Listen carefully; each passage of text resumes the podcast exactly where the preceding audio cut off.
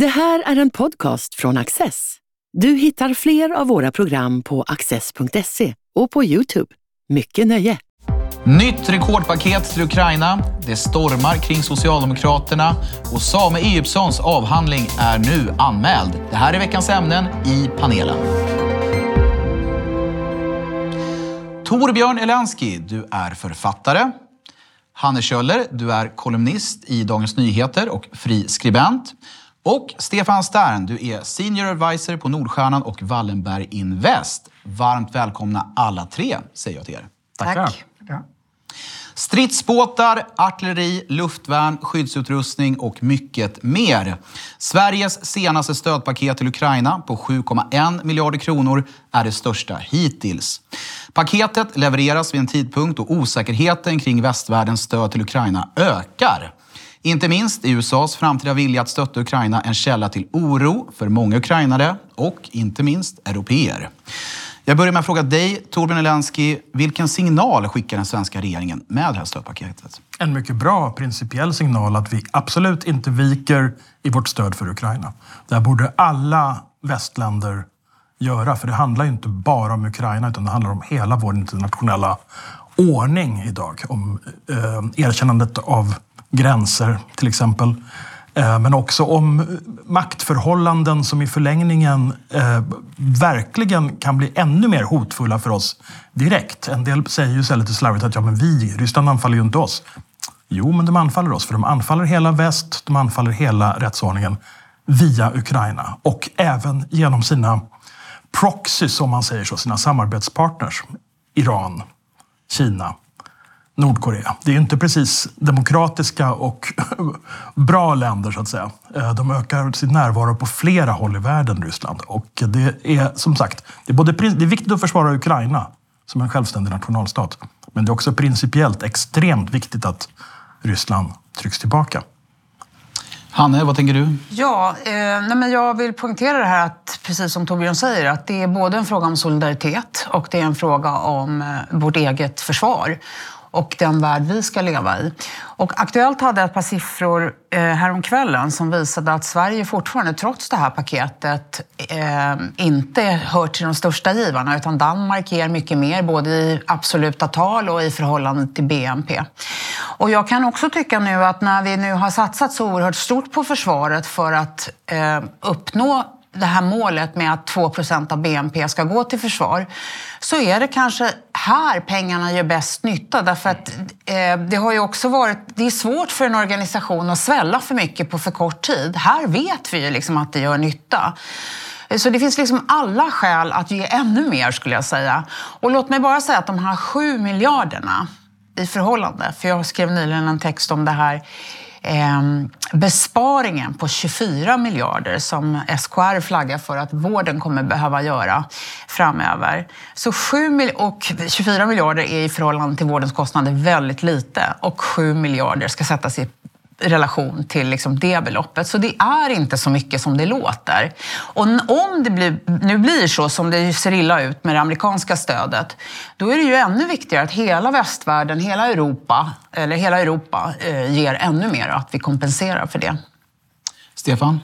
Nej, men det är riktigt. Varenda krona som satsas nu eller varenda euro eller dollar är mycket mer kostnadseffektiv än det man i, i en negativ spiral behöver satsa sen. Och eh, det är precis som sägs här, det här ligger i Sveriges intresse. Det är mindre än 100 mil från den svenska gränsen. Det är vårt närområde, men det handlar ju om eh, hela världsordningen och, och, hela väst som nu måste hjälpa eh, Ukraina att försvara eh, gränsen och eh, försvara de principer som står på spel här.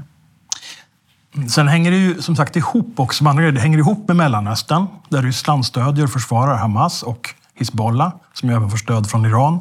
Eh, och det hänger ihop med Asien och andra områden där det finns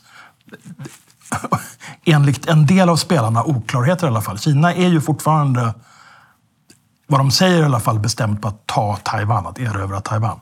Och det kan man ju inte godkänna. Om Ryssland skulle så att säga få fred nu i Ukraina med alla sina erövringar som uppgår till, jag tror, 18 procent av, av Ukrainas territorium.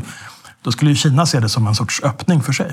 Mm. Turkiet har också krav på Grekland, de ockuperar en stor zon i norra Syrien och så vidare. Och så vidare. Det finns många områden där, där det så att säga, kan bli följdeffekter av det här om man släpper efter. Så att det är otroligt viktigt att vi hetsar på USA att inte ge sig när det gäller det här. Och vår insats är ju så oerhört liten i förhållande till det här. Det handlar om pengar och för ukrainarna handlar det om män som dör. Eh, så att eh, det, det är ju vid fronten de bedriver ett krig för oss alla. Och jag tycker Zelenskyj har helt rätt i det när han trycker på det när han är ute på sina resor. Eh, Hanne, du nämnde ju det att Danmark gör väldigt mycket för Ukraina. De skänker ju hela sitt artilleriförråd till Ukraina. Och eh, Danmarks statsminister Mette Frederiksen varnade ju nyligen på säkerhetskonferensen i München för att Putin kan komma att attackera ett annat NATO-land. Har det här allvaret verkligen sjunkit in hos oss?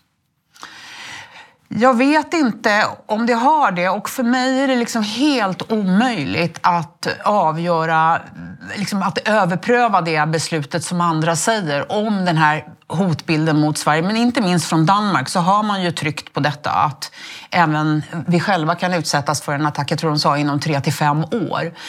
Ehm, och, och, det är ingenting, jag kan inte förhålla mig till det mer än att säga att ja, men om folk som kan någonting om det här säger det så är det väl så. Alltså det är ju så här att modern krigföring kallar man för hybridkrigföring, eller hur? Det sker på flera olika fronter och på flera olika sätt samtidigt. Och i praktiken så har ju Ryssland redan attackerat oss flera gånger. Men i cyberrymden om man säger så. Så att vi, det är verkligen inte så att vi är fredade. Sen vet jag inte om de skulle sådär bara på måfå anfalla Sverige eller någonting. Utan om de skulle göra någonting skulle det väl vara, misstänker jag, gå in i Baltikum mm. eller kanske, jag vet inte, i värsta fall östra Polen eller något sånt där. Men jag menar, det påverkar ju oss också. Absolut, det, absolut ja. påverkar det oss. Men jag tror inte att, jag undrar lite, okej okay, nu det är svårt att tro att han är helt rationell, den gode Putin, men vad skulle de, skulle de vilja bränna trupper och material på en sån sak medan det här kriget i Ukraina fortfarande pågår? Jag vet inte, kanske. Men om de skulle vinna och få fred i Ukraina, då skulle det bli väldigt farligt. Ja, precis. Ja. Eh, Must gick ut här om veckan och sa att hotbilden, eh, det är det allvarligaste säkerhetsläget sedan början på 1980-talet för svensk del. Eh, Must-chefen gick också ut och sa att vi har inget andrum. Vi kan alltså inte utgå från att eh, Putin kommer vara alltför upptagen flera år i Ukraina eh, och bakbinda honom. Väldigt allvarligt säkerhetspolitiskt läge. Eh, verkligen. Vad är dina tankar, Stefan? Nej, men jag delar den uppfattningen, inte bara för att det är han som kan de här frågorna, MUS-chefen, utan det, det är ju verkligen så. Eh, det har på kort tid, hela världsläget, ändrats från en slags 30-årig period av, av, av, framsteg och demokrati, marknadsekonomins utbredning, kommunismens död till det här oerhört eh, allvarliga hotet. Jag tror att den fria västvärlden kommer behöva lägga mångdubbla resurser i förhållande till det vi nu ser. Eh, vi har resurser, eh, men det handlar om prioriteringar. Det kom ju en undersökning för inte så länge sedan som visade att stödet, eh, tron på en ukrainsk seger i många europeiska länder håller på att sjunka. Däremot så var det som överlägset starkast i Sverige, så det är kanske lite hoppfullt, eller det är hoppfullt. Eh, vi ska alldeles strax byta ämne, men innan vi gör det så ska vi prata lite om Sveriges förestående medlemskap i NATO, tänkte jag. Eh, på måndag ska ju eh, parlamentet i, Ungern rösta om detta och Ulf Kristersson ska resa till Budapest och träffa Orbán. gör statsministern rätt som, att träffa honom? Jag kan inte bedöma det. Eh, jag tycker att det är en sorglig historia det här med Sverige och Ungern överhuvudtaget. Och eh, det är klart att det vore liksom snöpligt om det eh, på något sätt om vi snubblade på målsnöret. Men jag, jag tänker att Ungern har ju också behov av sin omvärld. Och det här är ju liksom ohållbart, det här spelet som han har hållit på med. Jag hade helst sett att, han inte hade, att Kristersson inte hade rest. Men jag vet inte om det är särskilt smart att tänka så. Men jag tycker att det, den här förnedringsleken är... Ja, jag tycker att den är förfärlig. Torbjörn? ja, jag håller med. Förnedringsleken är förfärlig, men det verkar ju inte finnas något alternativ just nu i alla fall. Uh, sen får man väl se Alltså Ungern är ju en sån sorglig historia också. Där EU, det är lite som i Ryssland, fast det rör andra grejer. Där EU hela, och NATO då också nu, hela tiden försöker trycka Ungern och göra som man vill och hotar och hotar. Men aldrig gör någonting riktigt av hoten så att de kan liksom lugnt tuffa vidare. Det är ju så det har varit med Ryssland historiskt sett också när de anföll Georgien 2008 eller Ukraina första gången 2014. Det är liksom bara så här, eh, okej, okay, ni får ha de här stora idrottstävlingarna i alla fall. Det är lugnt. Det Fast funkar inte så. Även USA har ju tryckt på. Och jag tänker också Ja, ja. att det är så här, att när vi väl är medlemmar, att det, det är möjligt att det kommer något payback time. Liksom, att, Eller hur? eh, Eller hur? Eh, jag menar, man, man, eh, han har ju inte arbetat särskilt strategiskt långsiktigt, Orban, i Varken, detta. varken han eller Erdogan förstås. Nej. Slutord, Stefan. Nej, men jag tycker väl att för min del att det är en ganska liten eftergift för statsministern att åka dit på fredag. Eh, omröstningen i Ungerns parlament är eh, inplanerad till på måndag. Det här är i praktiken redan klart och det är klart, vi ska ju vara beredda nu, Sverige, när vi släpps in i EU här, eller förlåt, i NATO inom kort, att, att bland annat ställa upp på, på just Ungern och försvara. Vi har samarbete kring en del eh, försvarsmateriel, Gripensystemet och annat. Så jag, jag tycker nog att det är, det är ingen större dramatik. Sen sitter ju Ungern i en väldigt svår situation. De har 20 miljarder euro som ligger fryst från EUs fonder. De har enorma påtryckningar från resten av NATO. Det här är ju bara ett sätt för Orbán att försöka komma ur sin trassliga situation och då kan man bjuda på en liten resa. Men dock inte förhandla naturligtvis om annat än det som är försvarssystem. Ja, vi håller tummarna att eh, Sverige alldeles snart är medlemmar i EU, NATO. Eh, nu ska vi gå vidare och prata om Socialdemokraterna. En politisk vilde anklagad för kopplingar till Hamas, en opinionsbildare som framställs som hatpropagandist och en artikel på tyska som utmålar regeringen med stödparti som odemokratiska. Ja, det har varit mycket fokus på Socialdemokraternas partiledare Magdalena Andersson och hennes olika utspel den senaste tiden. Men är all publicitet verkligen bra publicitet? Stefan Stern, du har en lång erfarenhet inom politiken. Hur tolkar du den senaste tidens händelser? Ja, men det är klart det är inte bra för eh, Magdalena Andersson. Det har ju varit en uppvisning av eh, omdömeslöshet förstås i alla de här tre fallen. Om man aspirerar på att företräda Sverige och bli statsminister för Sverige så ska man inte tala illa om Sverige utomlands, det är en grundregel. Och har man problem med en eh, parlamentariker så ska det skötas snabbt och långt ifrån partiledaren. Det är så det brukar gå till. Och man ska naturligtvis inte ge sig på en enskild medborgare och debattör. Så det har varit eh, omdömeslöshet i grunden. Eh, sen är det klart att det finns eh, en strategi i botten som har illustrerats här på ett missriktat sätt. Om vi tar den här kampanjen de har mot Ulf Kristerssons ledarskap, att han inte skulle räcka till som statsminister, att han splittrar Sverige. Det är någonting som Magdalena Andersson försöker tala om så mycket som möjligt. Hon talade om det uppe i Sälen när Sveriges eh, regering talade klart språk om, om det militära hotet som nu Must följde upp. Då gick hon till attack mot ledarskapet. Här så var det en otroligt illa vald tillfälle när det handlade om eh, eh El Hajj att vända sig mot statsministerns eh, ledarskap och säga du är statsminister, hur kan du göra så här? Så det, det är en strategi att få hans ledarskap att eh, verka, eh, så att säga, att, att det inte räcker till. Men att använda El Hadji-exemplet för det var ju, slog ju mot hennes eh, eget ledarskap. Sen finns det ju det här eh, ända sedan långt innan förra valet eh, att de ska varna för att eh, demokratin är hotad om det inte blir en S-regering. Och då blev det också en missriktad illustration här med en känd debattör som har ett väldigt stort nätverk, som är med i paneler, som är bland annat den här. Och alla känner till hur han finansierar sig och det, det var ju alldeles en av de sämsta exemplen på någon slags eh, koppling till Ryssland eller skumma pengar. Och det här att eh, när artikeln väl är skriven att inte då säga att nej, men det var väl inte så väl vald, vald formulering utan börja skylla på någon annan. Det är omdömeslöst och det kommer slå mot eh, förtroendet. Eh, Hanne, Stefan säger att det här är en del i en större strategi. Om det är det, hur väl verkar den fungera? Nej men uselt eh, i så fall och jag tänker också att eh, Magdalena Andersson verkar omge sig med dåliga rådgivare. Därför att det här är ju så oerhört kortsiktigt. Och eh, vad brukar man säga? Att när man väl trampar i klaveret så ska man stå stilla. Eh, jag skulle vilja koppla ihop de här två sakerna. Med, dels den här eh, artikeln i en tysk tidning och sen den här artikeln i Dagens Nyheter. För när man då blir avslöjad och det som är så oerhört pikant i den här historien, det är ju att när man säger konspirationsteorier, eh, man, de brukar ju liksom börja med att man, att man sår misstro. Inte att man säger att det var så här nödvändigtvis, utan man säger hmm, månladdning, men ser inte det där lite grann ut som Hökarängen? Eller jag ser en VM 53, ja ja, men den där byggnaden fanns inte mm, i Sverige då, eller vad det nu är. Med.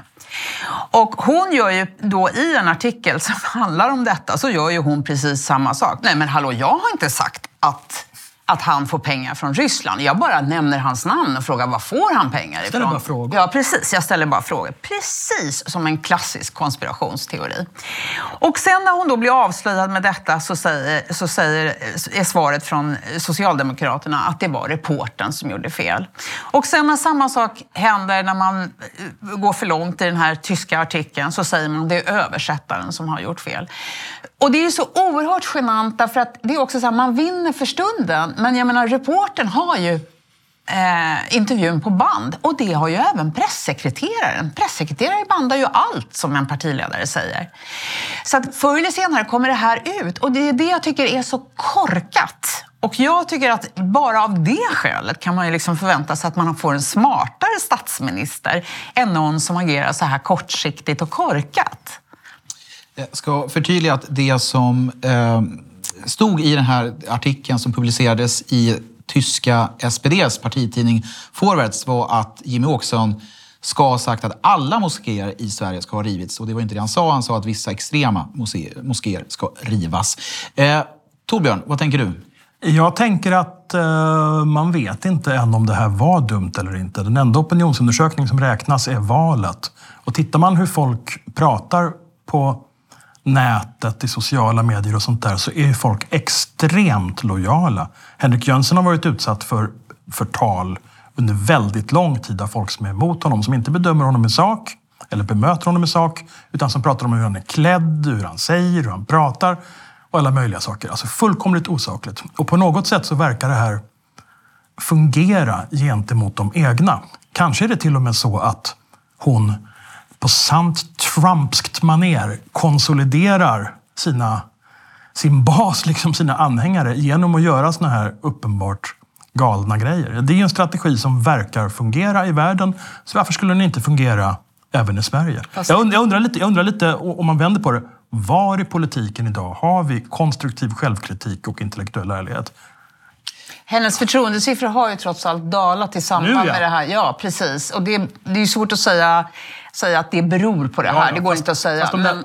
Förlåt mig, men såna här, såna här opinionsundersökningar är ju väldigt spännande, men de är samtidigt det är ideligen sådana. Det går mm. upp och ner och nu är den upp och nu är den ner och den och den har så många. Det är bara i valet det avgörs. Mm. Egentligen. Eh, Magdalena Andersson var ju i USA för att lära sig lite hur man kampanjar. Där kanske hon tog med sig några idéer hit till Sverige. Vad tror du, Stefan? Ja, det där har ju varit populärt under flera årtionden att man ska åka till USA och, och lära sig amerikanska kampanjmetoder. Eh, men här så skulle ju då det i en svensk kontext gå ut på att alltså varna för odemokratiska tendenser. Nu spillde ju det här om och blev en, ett exempel på hur, hur, hur man kanske inte har en demokratisk eh, reflex riktigt om man ger sig på till exempel en, en, en debattör som använder eh, kostnadseffektiva och eh, transparenta metoder. Men, men jag tror för min del att det är klart att det här kommer eh, påverka negativt. Dels så har de här siffrorna blåsts upp av att regeringen har haft ett startår med en massa planerad och massa jobb som måste göras i slags förarbete. Nu kommer leveransår för regeringen och Eh, penningpolitiken lättar lite så de får starka finanspolitiska eh, muskler och man ser redan hur det här gapet mellan S-ledaren och de andra partiledarna var på väg att sjunka. Men det var någon procentenhet i taget. Det som jag tror kommer hända nu är att det kanske snabbas på det här gapsjunkandet. Eh, och det, eh, andra effekten blir att journalister inte längre betraktar S-ledaren som untouchable utan så fort det blir en konflikt i politiken så, så, så gäller inte det här längre att man, att man tänker att Magdalena Andersson kommer ändå få rätt så att jag vinklar på det här sättet. Utan nu har hon själv eh, fallit på eget grepp lite grann, eh, även om hon har eh, både partisympatisiffror och eh, eh, siffror för sitt förtroende att ta av. Men, men, men, men jag tror för min del att det här, det här kommer liksom göra att det förstärks neråt. Och med de orden så ska vi gå vidare till veckans tredje och sista ämne.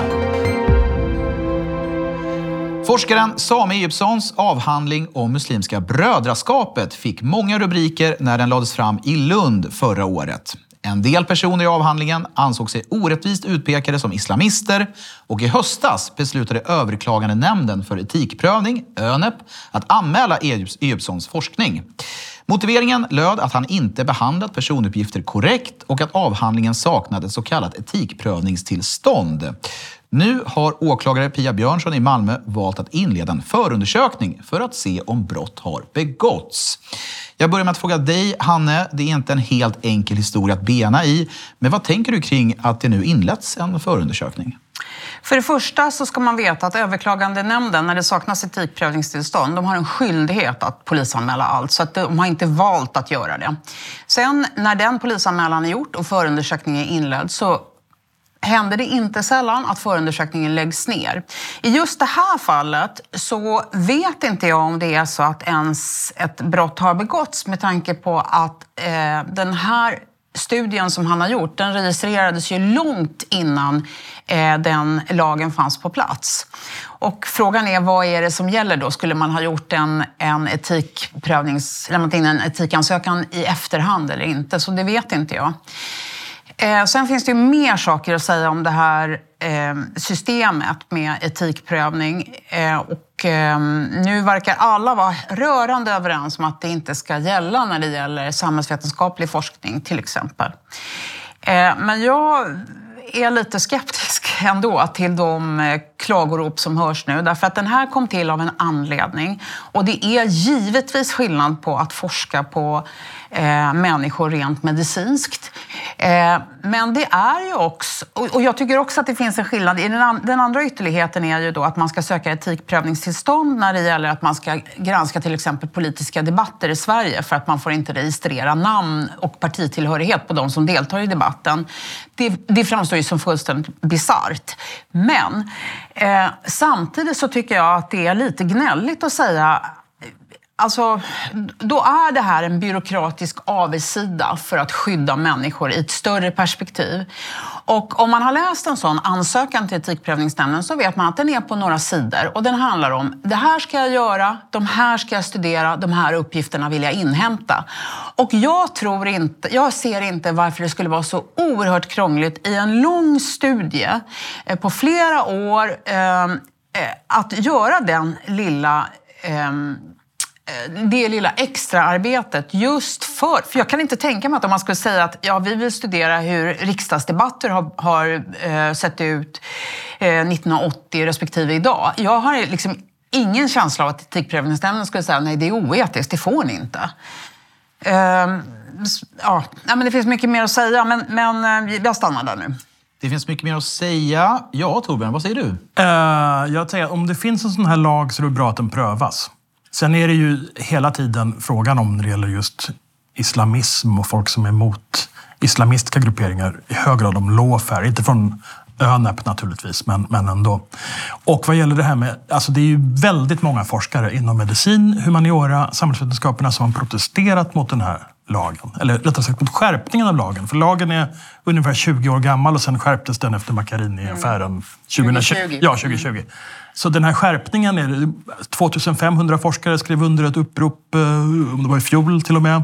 Eh, Sten Widmalm, professor i statskunskap, har eh, skrivit utförligt om det här.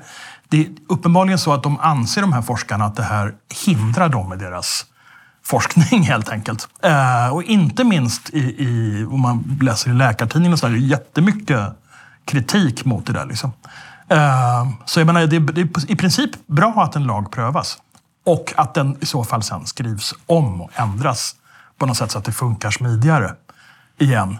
Eh, sen så tycker jag ju att det, det, det väsentliga när det gäller Egyptsons avhandling, det är ju stämmer det som står i den eller inte? Och min övertygelse är att det stämmer, det som står i den hög grad. Och det är det här man egentligen inte vill så att säga ska spridas. Jag ska släppa in dig, Stefan. Men innan jag gör det så tänkte jag fråga dig, Torbjörn. Du nämnde ett ord där, lawfare. Skulle du kunna förklara lite kort vad det är? Alltså lawfare, som så mycket annat, kommer från USA. Det handlar helt enkelt om att uh, okynnes anmäla folk för till exempel för förtal och såna saker. För att liksom låsa fast dem i rättsprocesser. Det hände ju i Göteborg med eh, Soffan. Ann-Sofie Hermansson. Ann-Sofie Hermansson till exempel. Hon råkade ut för det och bytte till och med jobb, lämnade politiken. Eh, Strålande. vi kommer få mer sånt här också säkert. Ja. Stefan. Nej, men jag håller med mycket av det som sägs här därför att eh, även om en eh, lag har goda syften, personintegritet och så vidare, så betyder inte det att man inte måste anpassa lagen och göra den lite smidigare när verkligheten visar hur, hur den slår. Och eh, man kan se liknande effekter på just integritetsfrågor inom näringslivet så finns det här GDPR som ställer till en enorm eh, massa merarbete i, i företagsamheten. Så det här är nog saker som vi över 5-10 års period behöver justera. Nu är ju den ena en EU-lagstiftning och det här är ju tämligen unikt i Sverige, den här eh, etikprövningen som vi har. Så att, så att här springer väl eh, Sverige före, men, men, eller efter. Men eh, det viktiga här tycker jag är att aktivister förefaller använda det här för att stoppa, eh, utifrån deras perspektiv, Eh, obehaglig forskning. Eh, och det är det som har hänt här skulle jag tro, att de använder formfrågan och formalia för att, eh, för att förhindra och stoppa. Nu tror inte jag att de kommer lyckas med det, utan det här som avhandlingen behandlar kommer ju sätta ljuset på saker och ting som är viktig, viktig forskning och viktig information, nämligen om islamismen i Sverige. Får jag bara invända mot ja, ja. Torbjörn också? Nej, men det är ju riktigt det här att forskare an anmäler varandra. Eh, det har de gjort även innan för oredlighet i forskning och det är ett enormt maskineri med detta. Men jag vill invända lite mot det som eh, Torbjörn säger. Eh, bland annat, för det första ska man säga också så här att det är en, eh, en utredning tillsatt som tittar på om lagen ska förändras. För den, den har ju tillkommit, eller skärpningen har tillkommit med, alltså det är uppenbart att man har haft den medicinska forskningen för ögonen och det är mycket möjligt att man ska göra regelverket annorlunda för de här olika sakerna. Och den eh, utredningen ska presenteras i år, i höst tror jag det är. Eh, så vi får se vad den visar. Så jag är inte alls säker på att det här är en optimal lagstiftning eh, på något sätt. Men däremot så skulle jag vilja säga att detta 2500 eh, forskare protesterar mot den. 2000, det pågår ju en stor debatt inom forskningen. Jag har precis skrivit en bok om detta, eh, men som rör det här med att eh, med öppenhet för forskningsresultat som är skattefinansierat. Och även där har ju otroligt många forskare varit ute och sagt att den akademiska friheten är hotad om vi inte får hantera vårt forskningsresultat precis som vi vill, det vill säga låsa in det eller inte. Och, och att vi, vi ska inte presentera våra rådata, vi ska inte berätta hur vi har gjort. Och där finns det ju en rörelse i globalt, eh, kan man säga, som, som kämpar för det här med eh, att man faktiskt inte ska kunna göra det här cherry picking och så. Och att man ska surra fast sig vid masten är ju ett ett begrepp som man använder där man säger från början vad är det jag ska göra, hur har jag tänkt göra det och på vilket sätt har jag tänkt att göra det. Och det är ju väldigt många emot därför det skapar ju inte den frihet att jaha, nej men jag fick inget resultat på det här men vänta, där var det liksom en liten bi, ett bifynd. Jag tar och gör det om det till min forskning. Så jag tror det finns mycket mer i det här eh, forskarnas invändningar än att man faktiskt är irriterad enbart på den här etikprövningen som förvisso är ett byråkratiskt aber, men jag tror inte att det är det som är grejen. Slutord, 20 sekunder. Ja, jag undrar, var det något problem om man hakade upp sig på en bi sak ja, i forskningen. Det Varför det. behöver det vara det? det jo, därför att om man säger så här till exempel att man ska studera om den som blir eh, homosexuell har, har fått eh, mindre kramar hemma till exempel. Och så, och så gör man en studie av det. Och så samtidigt så har man jättemycket andra frågor som är så här, hur mycket åt din mamma sushi när hon var gravid? Och så har du 40 miljarder andra frågor. Då kanske du upptäcker att men det är ingen skillnad på det här med kramar. Men vänta, sushi och homosexualitet. Men jag förstår inte vad problemet jo, är. Men Om man- problemet blir då att då får du ju ett falskt samband. Om du har jättemånga Fast det behöver ju inte vara ett falskt sam- samband, speciellt inte om man pratar om medicinsk forskning. Då kan man ju hitta Jo. oväntade effekter Ja. av vissa preparat och så där som man inte kunde förutse men som framkommer under forskningen. Vänner, den här vetenskapliga diskussionen får fortsätta i ett annat forum för nu måste vi tyvärr runda av. Torbjörn, Hanne, Stefan, ett stort nöje att ha haft er här och stort tack för att du har tittat.